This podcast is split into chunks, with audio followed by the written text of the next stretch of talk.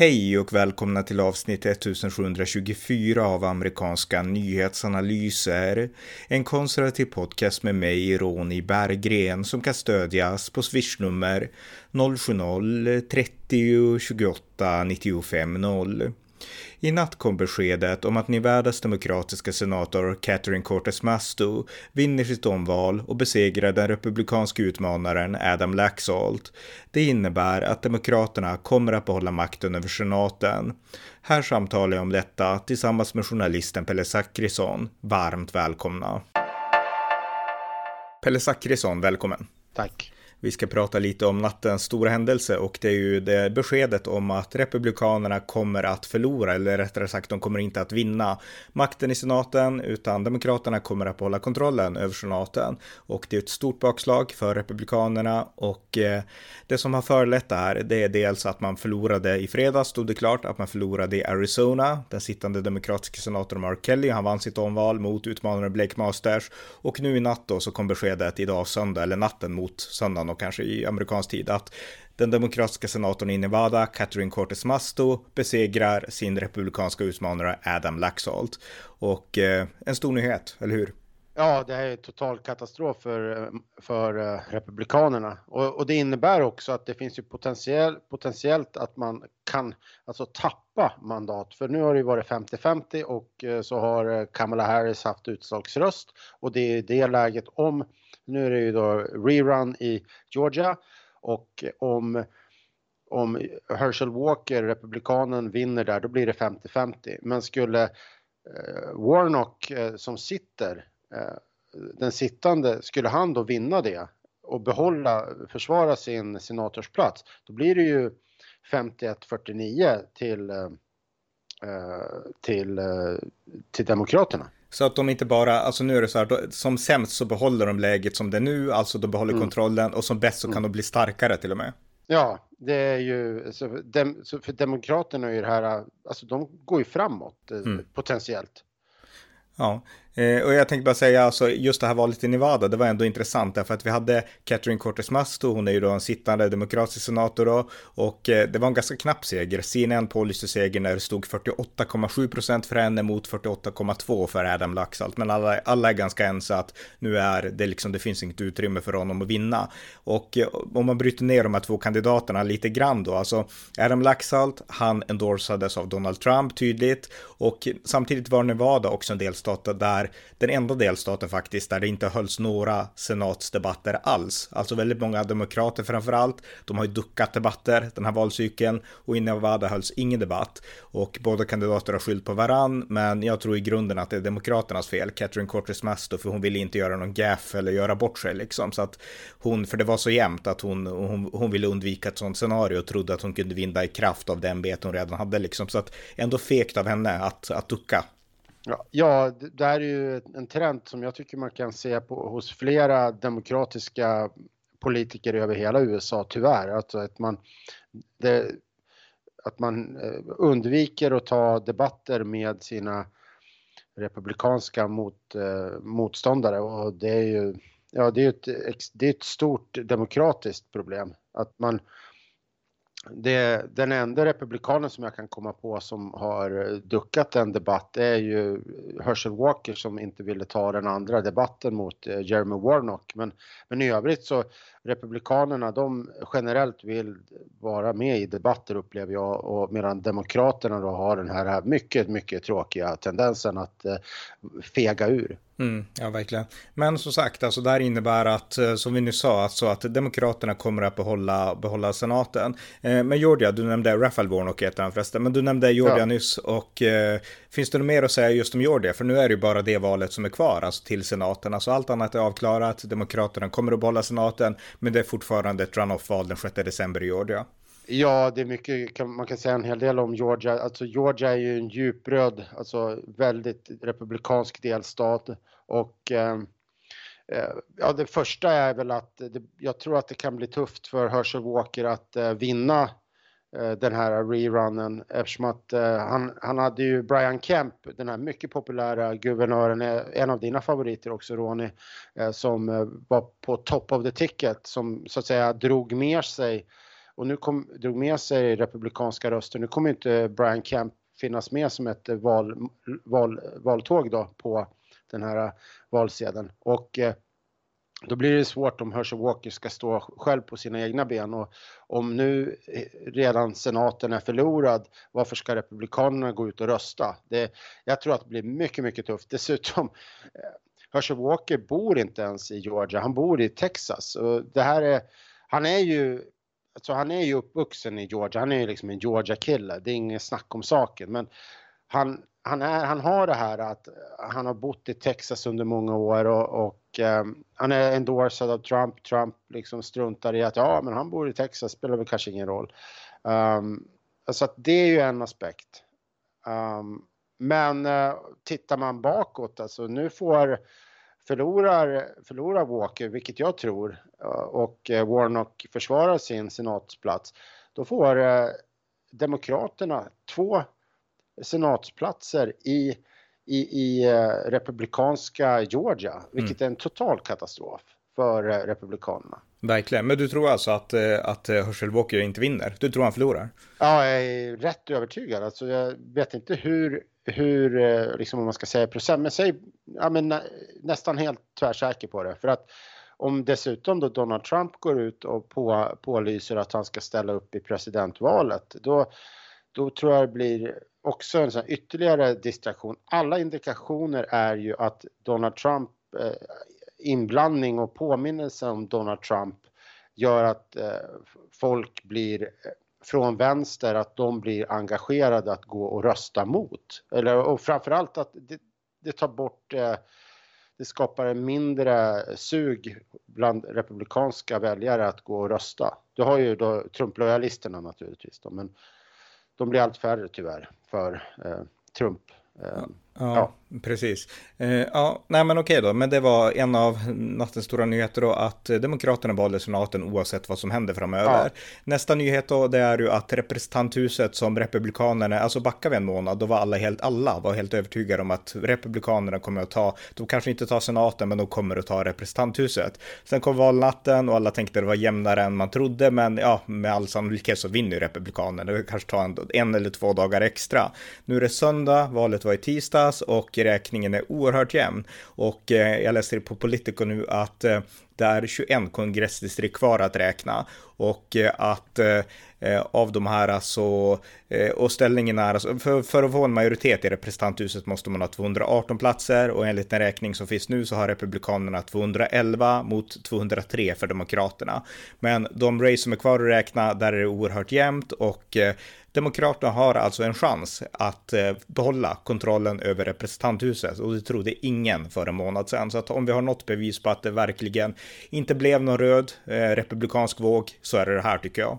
Ja, nej men eh, Republikanerna är väl fortfarande favori, favorittippade att ta hem eh, representanthuset. Men, men att Demokraterna har en väg till, som, att väg att, att behålla behålla representanthuset. Det är ju totalt, eh, ja, jag vet inte, det, det är sån ett sånt fiasko så jag vet inte vart man ska börja. Så att, äh, ja. Men du, du, du, kan börja med Washington State, för att där kom det ju ett besked i, nu om ett resultat. Ja, precis. Eh, och där är det en demokrat som har vunnit, Marie Glusenkamp Perez, som besegrade, inte den sittande representant, inte, inte den sittande republikanen eh, Herrera Beutler utan eh, hon besegrade då en, eh, Joe, en republikan som heter Joe Kent. Och Joe Kent är en Trump-republikan som i primärvalet för republikanerna då besegrade den sittande. Ehm, hon hette eh, James Herrera Beutler. Och hon var en av tio, en av tio republikaner som röstade för att impeacha Donald Trump efter, efter den här... Um, 6 januari-stormningen. Ja, 6, 6 januari. Och uh, han har uh, i det här racet då mot uh, demokraten Glusen Perez så förlorade han med en liten men dock en, en signifikant marginal, 50,8 procent mot 49,2. Mm. han, jag ska säga, Joe Kent han är liksom hardcore Trump-republikan, vill att det ska utredas, fort, fortfarande vill att det ska utredas om det var valfusk 2020. Så att um, det är... Uh, ja, så att, ja, så att man kan säga att den här Glusen Camperest då, som fram, framstår som rätt moderat och inte någon liksom extrem progressiv, ingen liksom the squad-demokrat utan... En, lant, en lantis typ? Ja, så att hon eh, är eh, själv, själv butiksägare och sådär så att hon, hon vinner över en Trump-republikan och det är på något sätt ganska, det är lite signifikant då i, i, det här, eh, i det här valet tycker jag. Ja, men det är extremt intressant för att du sa att den här uh, Joe Kent, alltså Trump-republikanen, han besegrade i primärvalet en republikan som hade suttit i tio år och som var kritisk till Trump och Trump fick den här uh, nya uh, MAGA-republikanen att vinna, spela ut honom i primärvalet, men sen förlora likväl då den här Joe Kent, Trump-republikanen mot en demokrat. Ja, det... Mm. Ja, så kan man sammanfatta. Precis så sammanfatta ja, det. Men det, det, är den perfekta sammanfattningen av hela, av hela den här valrörelsen nästan. Mycket ja. intressant. Eh, ja, nej, men det här innebär, som vi sa alltså, det här innebär att Demokraterna har fortfarande en chans att behålla representanthuset och skulle de göra det så skulle det vara en oerhört stor skräll och eh, det här kombinerat, deras möjlighet att behålla representanthuset i kombination med att de kommer nu med säkerhet att behålla senaten. Det visar tydligt att det här var ett misslyckat val för rep republikanernas del och eh, då kommer frågan, vems fel var det? Vad berodde det på? Och jag tror att vi har besvarat det redan. Mitt svar är att det är Trumps fel. Jag vet inte hur du tänker. Ah, ja, ja och det, mycket är ju Trumps fel och att man på grund av Trump har valt dåliga kandidater. Och ett exempel är ju i, i Ohio eh, där J.D. Vance visserligen vann då senatsplatsen. men han gjorde ju det med liksom en hårsmån och alltså det var ju jättenära att han förlorade. Men eh, och, och tittar man, jämför man guvernörsvalet i Ohio, där vann, alla pratar om Ron DeSantis som vann med nästan 20% i Florida, men Mike Devine, han vann med över 25% mot sin demokratiska utmanare i, i eh, Ohio. Mm. Och, och han är Mike, alltså den sittande republikanska guvernören. Exakt. Mm. Uh, Mike Devine är den sittande, han är 75 år gammal, en riktigt rutinerad dräv och har, han har ju kandiderat bara på liksom traditionella issues som att eh, ta tillbaka amerikanska jobb till Ohio.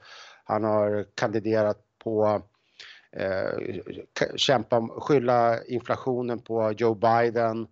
Det är väldigt mycket det här blue collar, eh, att, eh, liksom att satsa på arbeten och så vidare. Inte en del såna här, eh, han, han har ju gått lite grann i, i tagit lite grann om det här med kulturkriget, men inte särskilt mycket, utan det är liksom det här traditionella och, och det, det, har gjort att över 60 av, av väljarna i Ohio röstar på Divine. Och jämförelsen då med, med J.D. Vance är ju, ja det visar ju, J.D. Vance då som är backad av Trump. Mm. Eh, som ändå vann, men med, med betydligt mindre marginal. Men, men, men en fråga då, hade DeWine, hade han på något sätt, eh, hur förhöll han sig till Trump? Alltså urskilde han sig på något sätt där eller att han liksom... Ja, nej, men han, är ju, han har ju hela tiden distanserat sig från Trump. Han har ju, man kan kalla honom en, eh, han har ju aldrig eh, endorsat Trumps teorier utan han har hela tiden distanserat sig. Han har inte varit lika tydlig kanske som Brian Kemp i, i Georgia, men definitivt aldrig liksom hoppat på Trump-tåget. Just det. Mm. Nej, men man kan ändå dra slutsatsen att eh, alltså, vi kan se det här nu. Alltså, de kandidater som backades av Trump och som, eh, ja, som backade Trump och liksom höll på med hans valfuskteorier, de har förlorat. Det kanske finns några undantag, men, men liksom, eller det finns undantag, det gör det. Men alltså den övergripande trenden, det är ändå att Trumps kandidater förlorade, därför att det var svaga kandidater som främst präglades av personlig lojalitet till Trump, inte kvalitet i kandidaterna och eh, mittenväljarna i synnerhet blev bortskrämda av de här valfuskteorierna. Ja. Ja, men jag tycker att någon, någonstans så tycker jag att eh, Pennsylvania, alltså man återkommer hela tiden till mm. Pennsylvania. Alltså alla, den som eventuellt ifrågasätter den förklaringen bör ju ställa sig frågan hur ska en, hur kan eh, Fetterman som inte bara är då Eh, har haft en stroke och inte klarar av att prata ordentligt och, och, debattera på ett rimligt sätt.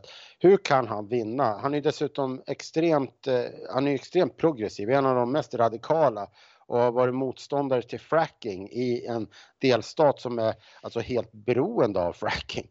Hur kan han vinna i, i Pennsylvania? Ja, det är ju för att mo, hans motståndare är en katastrof. Eh, Dr. Oz, Mehmet Oz, bodde ju inte, han bor ju i New Jersey, han, ingen i, i Pennsylvania, de som bor i Pennsylvania kan liksom inte relatera till honom.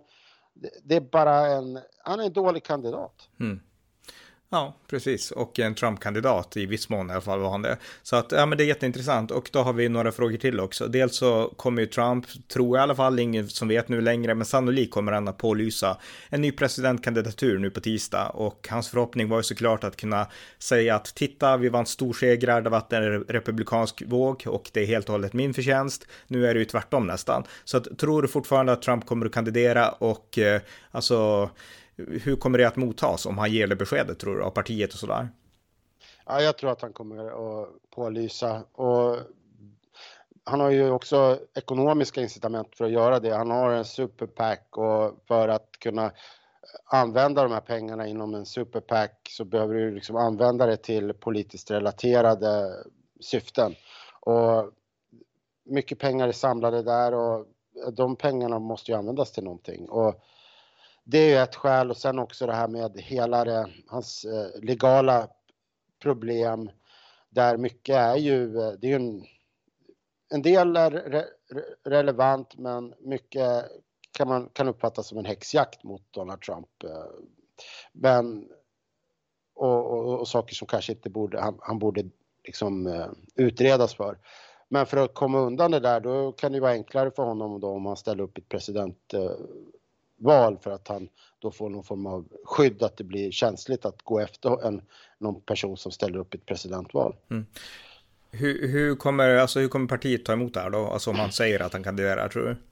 Ja, jag tror att det kommer att tas emot eh, illa. För att eh, jag tror att eh, partiet är, associerar honom nu, just nu så associerar partiet honom med att man hänger upp sig på att man förlorar. Att man hänger upp sig på att man, att han tänker man Trump då är det här att ja men då nej, nu ska vi tillbaka till och, och ifrågasätta valet 2020, men nu är det 2022.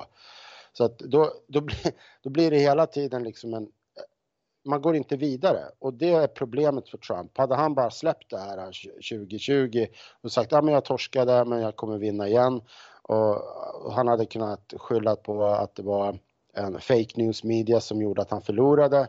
Men 2024 då kommer han vinna. Ja men då fine, alla hade mm. köpt det. Ja. Men, nu, men nu, är, nu är han ju liksom, jag tror att pålyser han nu då blir det då, då, då, kommer det tas emot illa, speciellt eftersom att han verkar ha fått en hang-up på Ron DeSantis och Ron DeSantis har ju den perfekta strategin, det vill säga att inte svara överhuvudtaget och för varje attack på Ron DeSantis som, som Trump gör, desto fler alienerar han från sin egen rörelse dessutom tror jag. Mm. Och inte bara Ron DeSantis, han har även attackerat Glenn Youngkin, alltså den här äh, republikanska guvernören i Virginia och alla som Trump nu ser som potentiella rivaler mot en, ja, mot liksom presidentnomineringen, eh, de attackerar han. Ja, och ja, så att jag tror att det blir väldigt tufft. Faran för republikanerna, eller det, det de behöver göra, det är ju att de behöver ju att analysera vad var det som Trump gjorde som var så bra? För att det var ju någonting som gjorde att han öppnade upp partiet och gjorde det relevant för väldigt många väljargrupper som tidigare hade uppfattat Republikanerna som ett slags överklassparti. Eh, vanligt folk, många svarta, många latinos som började gilla Republikanerna för att eh, Trump pratade med dem på liksom, rakt sätt liksom. Och det var det de sakerna behöver ju Republikanerna vara noga med att fortsätta med och inte bara för att man liksom ska göra upp med Trump, att man hoppar av det och så börjar köra någon slags etablissemangsstuk eh, om man nu vill eh, bli ett relevant parti. Nej, exakt, jag håller med. Och för att avsluta just på, på det temat, alltså Trump gjorde väldigt många bra saker för partiet, det får man inte förglömma. Han ska ha sin ställning i den republikanska historien som en tydligt stark och bra president tycker jag, även om han spårade ur och har sina liksom, personliga karaktärsbrister då. Men det var en bra president likväl och jag menar, när, när man pratar om att vinna en ny grupp så de Trump verkligen kunde nå på ett sätt som, alltså republikanerna alltid i viss mån kunnat nå de här, men ännu mer, det var ju ändå arbetarklassen, kanske till exempel uppe i Rostbältet, Pennsylvania och sådär. Och det berodde på att Trump var emot NAFTA. Han framhandlade ju ett nytt handelsavtal, eh, liksom UCMA, och eh, han ville betona mer de amerikanska arbetarna och eh, vände sig i viss mån emot den här nyliberala frihandelsidén som ändå har funnits starkt inom republikanerna. Och det backade Trump ifrån och där är ju partiet, där står de ju fortfarande på Trumps linje. Det är ju ingen som vill återgå till liksom det gamla i det avseendet hos republikanerna. Så att där har han påverkat partiet och det tror jag är bra för partiets framtid. Men sen så känns det ändå som att nu måste partiet blicka framåt. Alltså man måste hitta nya ledare och eh, ja, rikta in sig på framtiden helt enkelt. Och där har ju Republikanerna enorma möjligheter därför att Republikanerna har väldigt många nya unga förmågor, alltså krigsveteraner, politiker med lång erfarenhet, coola politiker, alltså riktigt bra politiker som är nytänkande, energiska. Demokraterna, jag menar, den som kommer att förbli senatsledare nu, det är Chuck Schumer, han är typ 80. Om Demokraterna behåller sen representanthuset så kommer Nancy Pelosi att förbli vid makten och presidenten i Vita huset heter Joe Biden, han fyller också snart 80. Jag menar, Demokraterna har bara gamla ledare. Republikanerna har ha, ett helt, ha en hel uppsjö av unga, liksom energiska visionära politiker. Så att jag menar, framtiden är republikanernas, helt oavsett Trump. Det är liksom mitt slutbudskap här. Ja, men de har, eh, de har en potential naturligtvis om man eh, vänder sig alltså, man ska väl kanske inte, alltså man måste fortsätta med det som funkar såklart. Mm. Eh, och sen har man ett par frågor som man behöver eh, adressera och, och, den ena är ju den här frågan om abort. Man behöver landa i en position Republikanerna behöver landa i en position om aborträtten, för där var det många, många högerdebattörer i USA, de, de avfärdade abortfrågan, bland annat Ben Shapiro som i normala fall brukar göra ganska bra analyser. Han, han menade ju att ja, men det här med abort, kommer inte vara en fråga som eh, påverkar eh, utfallet i valet, det sa han i somras. Men eh, det visar ju sig att det, att det engagerade och fick folk till valurnorna från Demokraternas håll. Så att eh, jag tror att eh, Republikanerna behöver hitta en, en linje som där, där man inte uppfattas som, alltså om det är så här att i USA att, att det är en generell bild att, att abort är någonting som ska vara tillåtet. Sen kan man diskutera i vilken form. Då kan inte ett eh, parti som aspirerar på att statsbärande ha aktivt driva för att förbjuda abort. Det, det framstår som eh, det framstår som eh, liksom verklighetsfrånvänt. Man behöver liksom hitta någonstans en, en linje där man som funkar. Jag skulle säga gällande den frågan att den linjen är fastslagen redan av Högsta domstolen som gjorde helt rätt. Delstaterna måste bestämma och där är, alltså USA är delat där. Där har vi en stor del av USA som ändå är tydligt emot aborter. Det syns i de republikanska delstaterna och i de liberala motsatsen. Så jag tycker republikaner ska helt enkelt bara säga att det här är upp till delstaterna och vi förespråkar inte nationella abortförbud. Alltså det som Lindsey Graham föreslog. Han föreslog ett nationellt sådant och att man, man ska helt ta avstånd från det och bara lämna det till delstaterna delstaterna och där får man fighta som frågan. Det är vad jag tycker. Ja, jag, jag förstår, men de behöver ju ha en, en linje i delstaterna för att de kommer ju hela tiden grillas på det här i, i, i mellanårsval och i, i eh, när det mm. blir de här delstatsvalen. Och då kommer Demokraterna alltid att kunna liksom, eh, ja men lyckas få, få stora väljargrupper att rösta på, på Demokraterna för att den här frågan anses så viktig. Sen är det klart att om Republikanerna genuint i exempelvis Alabama och så vidare, om de vill totalförbjuda förbjuda eh, abort, ja men det är klart att då ska de väl göra det. det. Man ska ju inte göra våld på sina egna principer brukar jag säga. Men, men jag tror att man under många, många år så var ju det här abortmotståndet, då var ju det en, och så länge Roe vs Wade fanns kvar, då var ju det på något sätt eh, en, då, då kunde man i delstaterna lajva abortförbudsförespråkare eftersom att man visste att det kommer, fort, det kommer inte gå igenom. Man kan, vara, man kan liksom tala jävligt tufft. Mm. Men eftersom att det inte kommer gå igenom, det kommer inte bli totalförbud, så kommer man, kan, man, kan man säga det utan att behöva liksom sen stå för det där mot sina väljare. Nu när, nu när man fick igenom det i Högsta domstolen och precis som du säger, det är ju på delstatsnivå det här ska avgöras eh, enligt konstitutionen. Mm.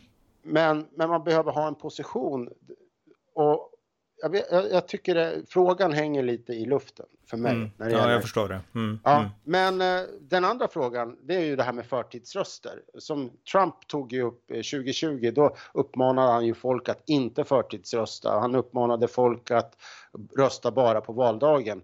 Och det är ju superkorkat och det har jag tagit upp eh, med dig i en tidigare podd att om Republikanerna låter Demokraterna vara de som förtidsröstar då kommer, då kommer Republikanerna liksom allt, i allt högre utsträckning att tappa liksom en del av de som röstar. Eh, för för i Sverige är det ju allt fler och fler, och fler som förtidsröstar. Och, så att eh, det här behöver man ha en strategi där man liksom går ut och precis som Demokraterna gör och ser till att folk, sina anhängare förtidsröstar. Mm.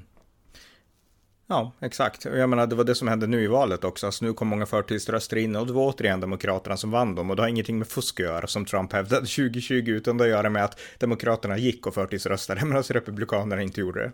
Nej, äh, precis. Men sen, sen kan man ju, sen kan jag tycka att, eller sen är det så tycker jag att, äh, att många delstater i USA har onödiga och, och krångliga eller, eller olika, deras val, vallagar är, de är lite föråldrade, bland annat det här med att man ska analysera eh, underskrifter och så vidare istället för att bara köra rakt av med ID-kort. Det som, man gör, som vi gör här i Sverige, liksom man ska mm. legitimera sig, då går det snabbare.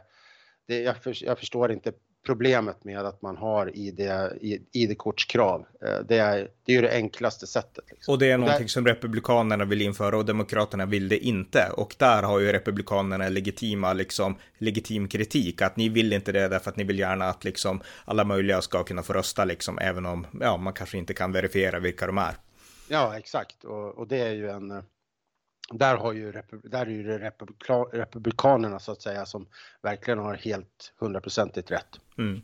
Ja, men intressant. Eh, helt enkelt, alltså republikanerna måste nu ta ett omtag, fundera vad som har gått fel och ja, de kanske vet redan, men i alla fall ta ett omtag och sikta in sig på framtiden och kanske då framtiden bortom Trump helt enkelt. Så att, eh, ja, tack så mycket Pelle.